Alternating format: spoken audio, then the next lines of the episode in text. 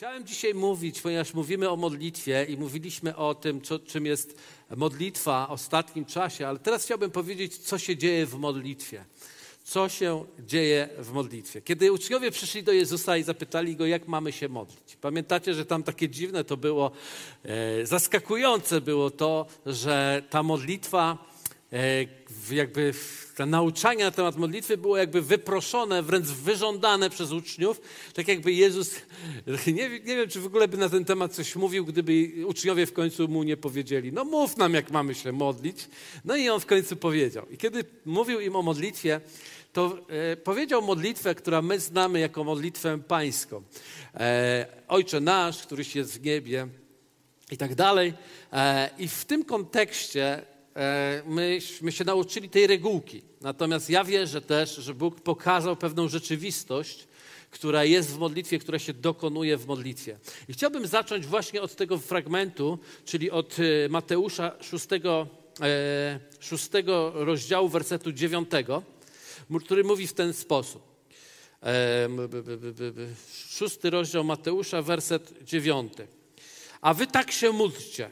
Ojcze nasz, któryś jest w niebie, święć się imię Twoje. To mówiliśmy na poprzednim spotkaniu, mówiąc o tym wymiarze ojcostwa i wymiarze bliskiej relacji, ale chciałbym zwrócić Waszą uwagę na to miejsce, że w momencie, w którym Ty zaczynasz zwracać się do Boga jako Ojca, czyli jako tego, który Ciebie kocha, bo z biblijnego punktu widzenia to Ojciec to jest ten, który kocha.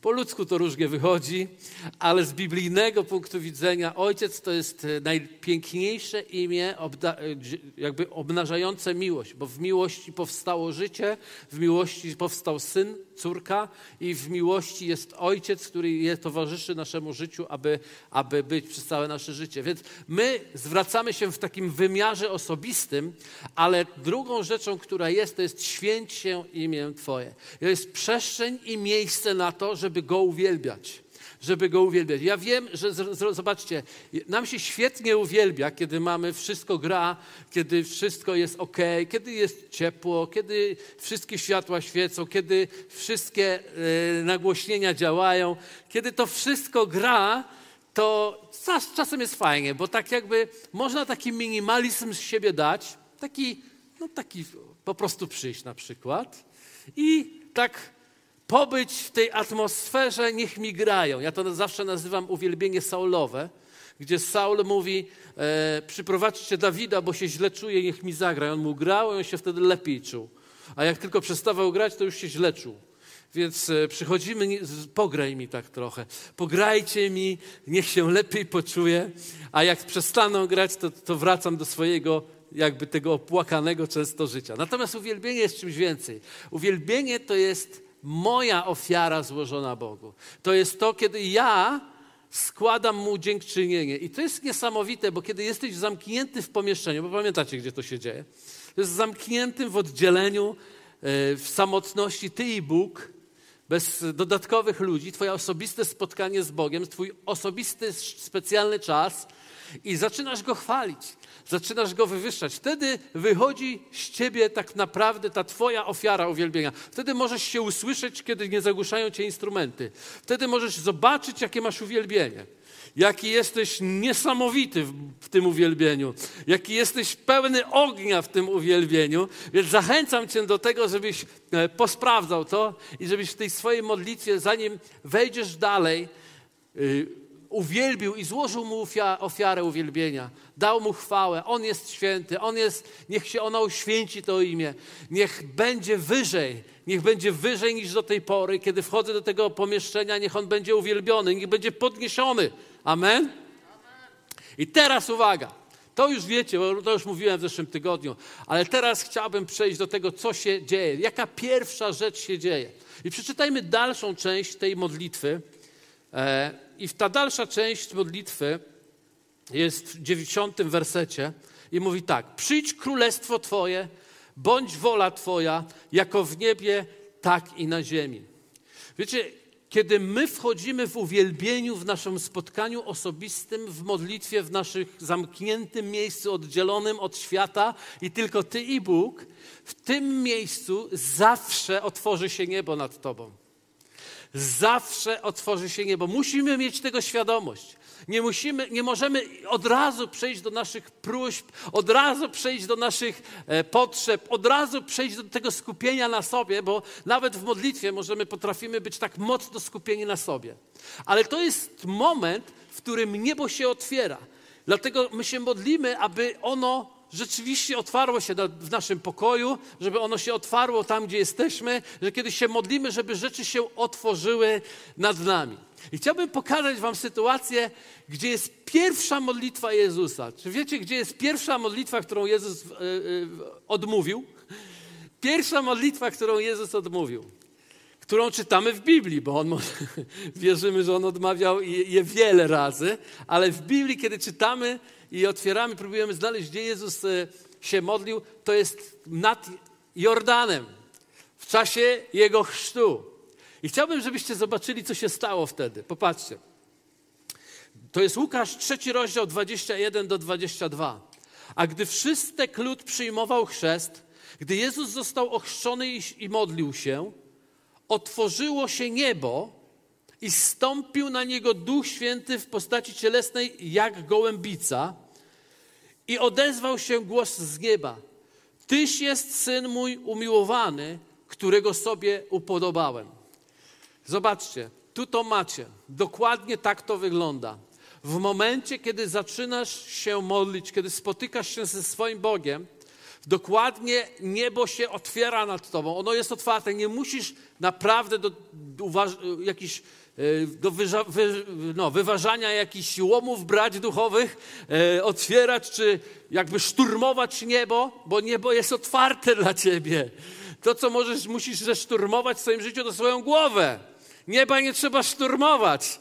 Niebo jest otwarte, ponieważ e, kiedy Jezus umierał na krzyżu, niebo się otworzyło, droga do nieba została otwarta. A co jest powiedziane w słowie?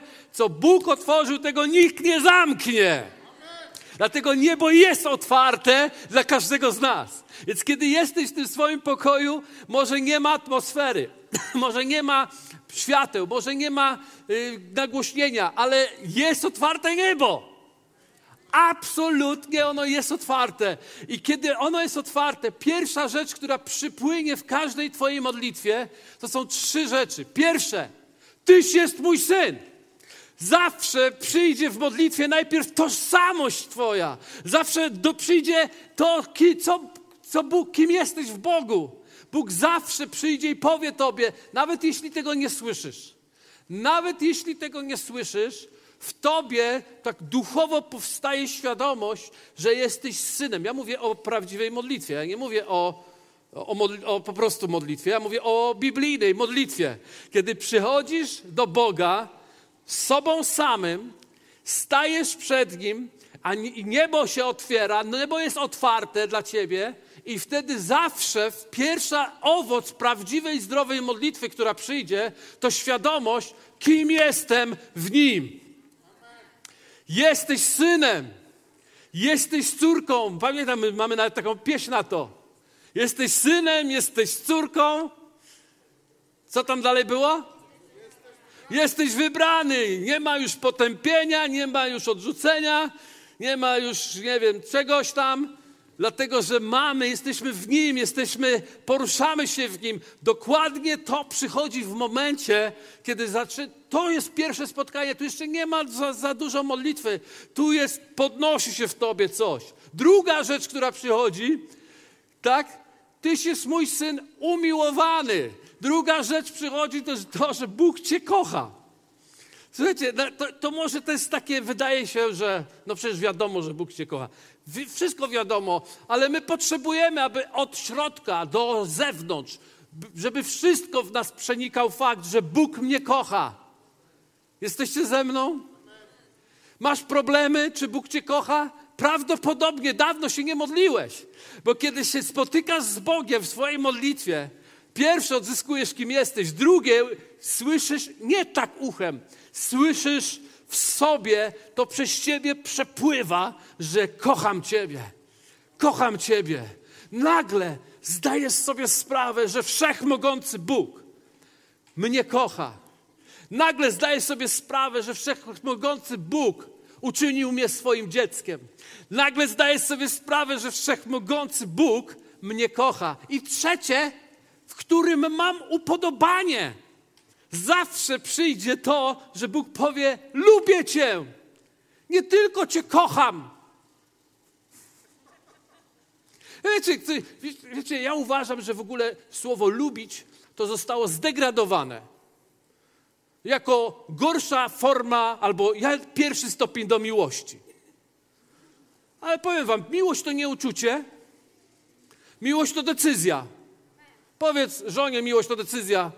Żona powie mężowi, miłość to decyzja. Powiedz sąsiadowi, że miłość to decyzja. Powiedz mu to. Co to oznacza? Że wszyscy, jak tu jesteśmy, wszyscy jesteśmy zobowiązani, żeby kochać się. Jeśli koło ciebie przypadkiem niechcąco usiadł wróg, to Biblia mówi: miłujcie nieprzyjaciół swoich. W związku z tym nadal musisz go kochać. Niech ktoś powie amen. Ale lubić nie muszę. Lubić to jest jakoś taki wewnętrzny mój wybór że Cię polubię. Lubię Cię. Ciebie lubię. Ciebie lubię. Cię. Ciebie też lubię. Dalej nie sięgam. Wiadomo, że w kościele nieprzypadkowo się siada. Ale dobra. Lubić to jest coś, co pojawia się w obszarze uczuć. Coś, co mówi: Dobrze mi z Tobą. Sprawia mi przyjemność to, że jesteś. I Bóg powiedział do Jezusa, swojego syna: W Tobie mam upodobanie. Lubię Cię. Aleluja. Więc lubić to tak trochę nawet wyżej. Dobra, nie, nie myślcie o tym, dobra. Po prostu poczujcie to. Tak jest. Więc Bóg, kiedy przychodzi do ciebie w Twojej osobistej modlitwie, najpierw odbuduje Twoją tożsamość, potem objawi Ci miłość, która jest względem Ciebie, a potem ci powie, że się na ciebie nie gniewa, że cię lubi i że ma w tobie upodobanie. I to jest to, co my potrzebujemy wszyscy. Możesz kombinować, możesz chodzić na różne seminaria, możesz chodzić na różne konferencje, możesz słuchać wszystkich mówców świata. Jeśli w swoim miejscu spotkania z Bogiem nie odbierzesz prawdziwej tożsamości, nie odbierzesz prawdziwego dotknięcia Bożej miłości i nie doświadczysz tego, że Bóg się na ciebie nie gniewa i że masz, ma w tobie upodobanie i że masz nadal pełne prawa dziecka Bożego, Syna Bożego, córki Bożej to nie można iść dalej. Dalej będzie tylko niewolnictwo chrześcijańskie. A ja chcę Wam powiedzieć o synostwie chrześcijańskim. O tym, że właśnie w modlitwie to się dzieje. To jest najważniejsza rzecz, dlaczego idziemy po modlitwę. Większość mówi, nie, najważniejsza rzecz to jest moje potrzeby, moje uzdrowienie mojej choroby, zaopatrzenie moich finansów, uratowanie mojego małżeństwa, moje dziecko, które odchodzi gdzieś na manowce, e, moje tata, który idzie w alkoholizm. Nie to jest najważniejsze. Najważniejsze jest odzyskać tą pozycję, która nie jest tylko w głowie przez modlitwę, ale przez modlitwę staje się częścią ciebie. Ty stajesz się słowem wcielonym, stajesz się synem, stajesz się... E, kochanym synem. Stajesz się kochanym synem, którego Bóg lubi i na którego Bóg się nie gniewa. Cieszę się, że rozwaliło to od was od środka teraz. Halleluja. To jest coś pięknego. I wiesz, że kiedy masz takie spotkanie z Bogiem, właśnie go skończyłeś uwielbiać, właśnie za zacząłeś czuć, jak bardzo ważnym jesteś e, dla Niego, jak bardzo Cię kocha, jak, jak Cię lubi, jak jest. Wow, z tego miejsca możemy dopiero rozmawiać o dalszej części modlitwy i dalszych rzeczy, które w modlitwie się e, dokonuje. Popatrzcie, Mateusza 6,11 mówi: Chleba naszego powszedniego daj nam dzisiaj. Chleba naszego powszedniego daj nam dzisiaj. Kto to mówi? Syn, nie żebrak. Nie żebrak. Czyli w swojej modlitwie jesteś w pozycji, w której mówisz: Panie, potrzebuję teraz paru rzeczy. Przychodzę do Ciebie jako Twój syn, kochany przez Ciebie i umiłowany przez Ciebie i upodobanie masz we mnie. Przychodzę, by prosić o rzeczy, ponieważ w modlitwie zawsze przyjdzie zaspokojenie potrzeby, jeśli będziesz to robić z właściwej pozycji. Ta pierwsza część jest najważniejsza. Następna jest wynikową tylko z tej pozycji syna, córki, syna Bożego, córki Bożej, pozycji autorytetu w Chrystusie. Tylko z tej pozycji bycia w miejscu e, takiego poczucia, że jestem kochany, jestem ważny i że Bóg mnie słyszy w tej chwili i mam mocne, ogromne skupienie na mnie. Z tej pozycji mogę zwrócić się do Niego z moimi prośbami. Mogę zawołać do Niego. I Mateusz 21, 22 mówi tak. Ewangelia Mateusza 21, 22. Wszystko, powiedzcie razem wszystko. I cokolwiek. Ja uwielbiam to. To jest piękne. Wszystko w ogóle w greckim, bo ja mam te grecki tłumaczę, nie? To wszystko w języku greckim oznacza wszystko. A cokolwiek oznacza cokolwiek. Zero kombinacji. Poprosilibyście w modlitwie z wiarą, otrzymacie. Nie pomyślę, nie przeanalizuję, nie pokombinuję, tylko mówi: otrzymacie. Syn otrzymuje wszystko. Sługa. Znacie, kojarzą mi się tych syn marnotrawny, ten młodszy i ten syn starszy. Kojarzycie tą przypowieść? Nie, mam, nie, nie przygotowałem ją teraz, ale pomyślałem sobie, że ten młody wiedział wszystko, wiedział co ma. On mówi, daj to co moje. Ojciec mu dał. A stary całe życie zaiwaniał. Całe życie w służbie. Całe życie krzesełka ostawiał. Całe życie sprzęt rozstawiał. Tu nie piję do naszych techników, absolutnie. Całe życie zasuwał i nie wiedział, co ma. Ojciec mu powiedział: Synu, synu, przecież wszystko, co moje, jest Twoje. A on nie wiedział. I tak się zastanawiałem, dlaczego. I potem przeczytałem jeszcze raz tą przypowieść, jeszcze raz, jeszcze raz, jeszcze raz. I zobaczyłem tak. Chyba sześć czy siedem razy młody mówił do ojca ojcze, a ten ani razu nie zwrócił się do ojca ojcze. I sobie myślę, przypadek? Nie sądzę. Nie rozumiał swojej pozycji. Nie wiedział, kim jest.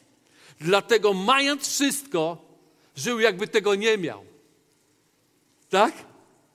Dopóki dziedzic jest dziecięciem, uwielbiam Galatów 4.1, dopóki dziedzic jest dzieckiem, czyli niedojrzały, nie rozumie i nie wie, kim jest, żyje jak niewolnik, choć jest panem wszystkiego. Wow! Wow! Więc ja z pozycji ojcze, tato, jestem. Tada! Dziękuję, że mnie kochasz i masz we mnie upodobanie.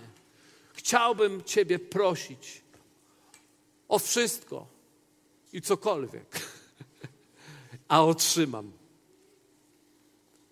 Mówiłem, że ta seria zmieni Twoje życie.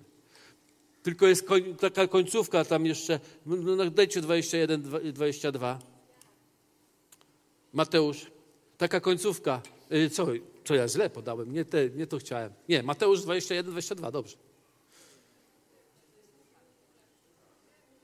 A, ukaż 21, 22. Nie, no właśnie, 21, Mateusz 22. Proszę mnie nie zmieniać. Ostatnie słowo. Przedostatnie. Ostatnie jest? Ostatnie jest? A dwa przedostatnie? Ostatnie? A przedostatnie? Z wiarą. Czyli nawet teraz musicie uwierzyć, co mówię do Was. Że synowie i córki umiłowane, w których Bóg ma upodobanie, poproszą o cokolwiek, wszystko w modlitwie, z wiarą, a otrzymają. Koniec religijnego czasu, traty, traty, straty czasu, chciałem powiedzieć. Siedzenie, siedzenie i nic. Z wiarą usiądź. Poznaj ją. Ona chce się dać poznać przez ciebie.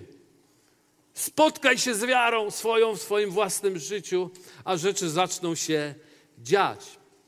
Modlitwa to również, oprócz prośby, to miejsce oczyszczenia. Jak wiecie, wszyscy potrzebujemy oczyszczenia. Wszyscy chodzimy każdego dnia, dotykamy różnych rzeczy, myślimy o różnych rzeczach, dzieją się w nas różne rzeczy i potrzebujemy oczyszczenia. 6 Mateusz 12 mówi: I odpuść nam nasze winy, jako i my odpuszczamy naszym winowajcom. Bóg zawsze przychodzi z odpuszczeniem naszych win.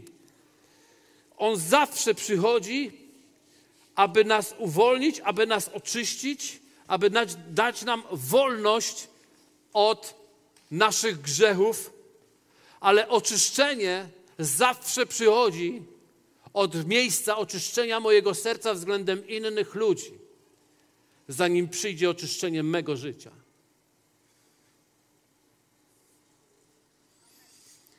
To jest bardzo ważne, dlatego że wiele ludzi ustawiło, ustawiło to w taki sposób. Aha, Bóg mnie uwolnił, Bóg mnie usprawiedliwił, Bóg mi przebaczył. Ja nie muszę nic. Nie, Biblia mówi, że nie możesz nic, musisz wszystko. Musisz wszystko. Słuchaj, zasłużyłeś na piekło. Przepraszam, że tu dzisiaj taki Armagedon, ale zasłużyłeś na piekło. Normalnie, w normalnym układzie nie powinno cię być w Królestwie Bożym. To nie jest tak, o, aha, ale ci się udało, już dowiedziałeś się i zrobiłeś. Nikt, ty tu się nic nie dowiedziałeś, nie zrobiłeś. On cię wybrał, on cię ze swojej łaski obdarzył, swoim zbawieniem. Ty przyjęłeś, przyjęłaś to zbawienie, przyjęłeś to uwolnienie. nie ma możliwości, żeby, żeby Bóg przebaczając, a żebyś ty został w nieprzebaczeniu. Nie mam czasu, ale jest kilka nawet na ten temat przypowieści, które się czarnymi lochami kończą.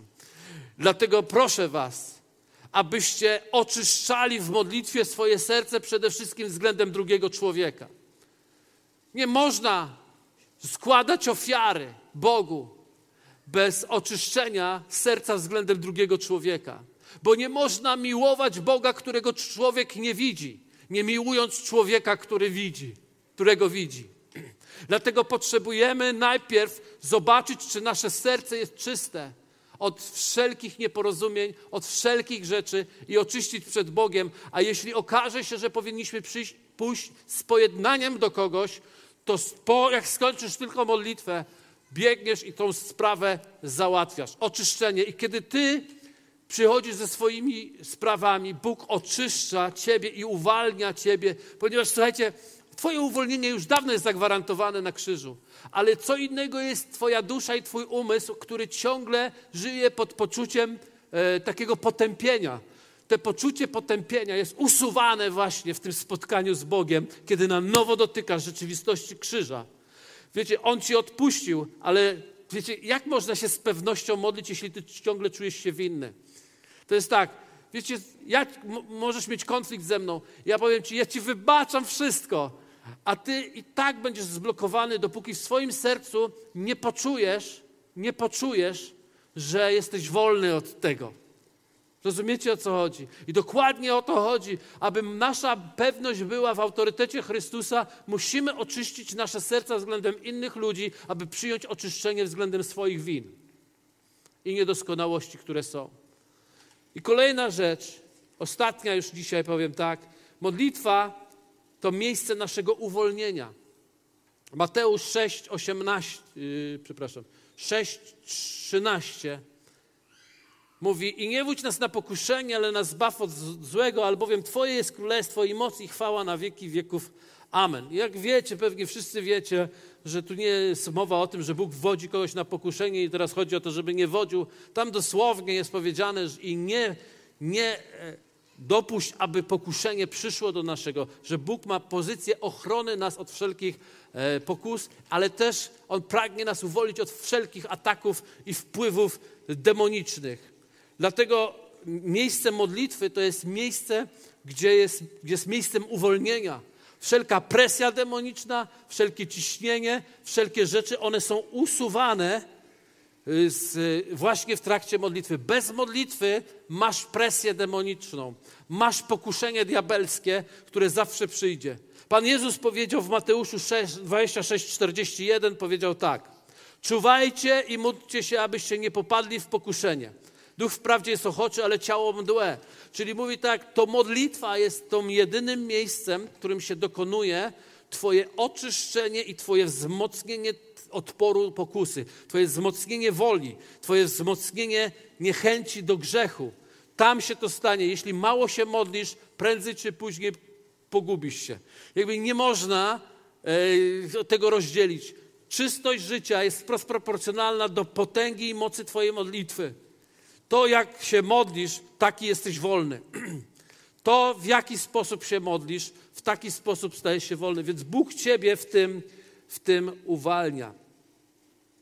A jest jeszcze kilka punktów, które dokonuje się w modlitwie. To jest za, za mało. Te, powiedziałem Wam te pierwsze, początkowe. Nie chcę Was już trzymać ze względu na to, że jest już chłodno. I Panie Jezu, ja Cię proszę teraz, abyś Ty przyszedł do każdego z nas i abyś poprowadził nas swojej mocy, abyś poprowadził nas swojej mądrości. I naucz nas uwielbiać Ciebie w naszych modlitwach osobistych. naucz nas przede wszystkim stanąć przed Twoim tronem i oddać Tobie chwałę. Naucz nas też przyjmować fakt otwartego nieba i przyjmować synostwo, to, że nas kochasz i to, że na nas się nie gniewasz abyśmy po prostu mogli stanąć w pełnym autorytecie modlitwy. Kiedy zaczniemy prosić Cię o chleb powszedni, o różne nasze potrzeby, o różne nasze sytuacje, proszę Cię, Duchu Święty, abym robił to z pozycji syna umiłowanego, w którym masz upodobanie. I proszę Cię, Duchu Święty, abyś uwolnił mnie od wszelkiego, wszelkiej winy, abyś uwolnił moje serce od nieprzebaczenia, abyś uwolnił mnie za każdym razem w modlitwie od tego, co się gdzieś w moim sercu, jakaś zadra, uraza pojawi. I uwolnij mnie od moich win, od moich belek w moim oku i daj mi pełną wolność. Zerwij kajdany, wszystkie kajdany duchowe mojego życia, abym mógł wejść w pełną obfitość tego, co Ty masz dla mnie, abym mógł mieć pełne zwycięstwo tego, co masz dla mnie. Proszę Cię o to w potężnym imieniu Jezusa. Amen. Dzięki za odsłuchanie podcastu Kościoła Wrocław dla Jezusa. Przesłanie było dobre, prawda? Gwarantujemy, że to nie tylko teoria. Teraz Twój ruch, by zastosować je w swoim życiu. Jeśli chcesz dowiedzieć się o nas więcej, odwiedź stronę wdj.pl. Do usłyszenia!